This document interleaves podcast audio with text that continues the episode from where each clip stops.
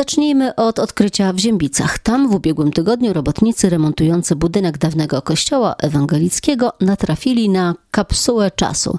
Powiało sensacją. Pojawiły się nawet przypuszczenia, że może to być najstarsza na świecie kapsuła. Wtorkowe otwarcie miedzianej tuby wzbudziło ogromne zainteresowanie. No i teraz. I teraz. Ale tu sensacji nie będzie, już widzę. Dlaczego nie? No, bo już po, po papierze widać.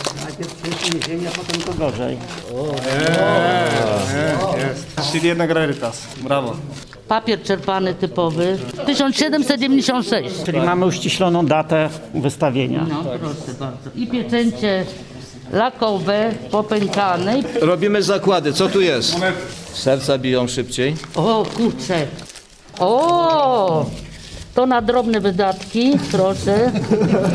Zobaczyliśmy to, co na ogół w takich puszkach powinno się znajdować, czyli monety, informacja o tym, że kościół jest budowany, kto go budował i bardzo zaskakujące dla mnie, bo ja lubię ludzkie historie. Historia kobiety, która dała swój może wdowi w grosz, na ten kościół owinęła go papierkiem ze swoimi wszystkimi, bodajże sześcioma czy siedmioma imionami. I w ten sposób jedna z mieszkanek Ziębic, o której być może byśmy nic kompletnie nie wiedzieli, przeszła do historii i w 2020 roku przypomniała o sobie. Osoba się przedstawiła, która datek złożyła. Karolina Wilhelmina Amalia Liben, Libenowin. tak. August, sierpień 1797 roku zużyła. Nie jest to kapsuła najstarsza na świecie. W ogóle to nie umniejsza tego odkrycia, ponieważ nieważne jest tutaj być może skala, ale wartość historyczna dla tego konkretnego miejsca, dla historii Ziębic, dla historii Dolnego Śląska. Będzie to w tej chwili oficjalnie jedna z najstarszych kapsuł czasu. Po części się więc spełniły nasze oczekiwania.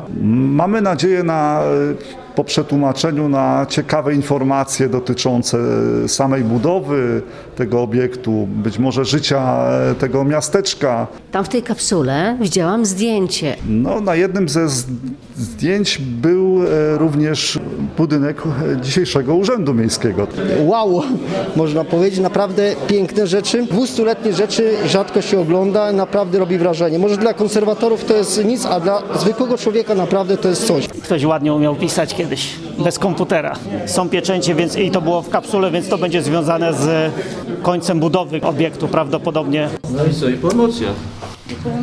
Takie były nadzieje. Teraz specjaliści tłumaczą znalezione dokumenty sprzed lat. O tym, jak często zdarzają się takie odkrycia w Radiu Wrocław za kilka minut.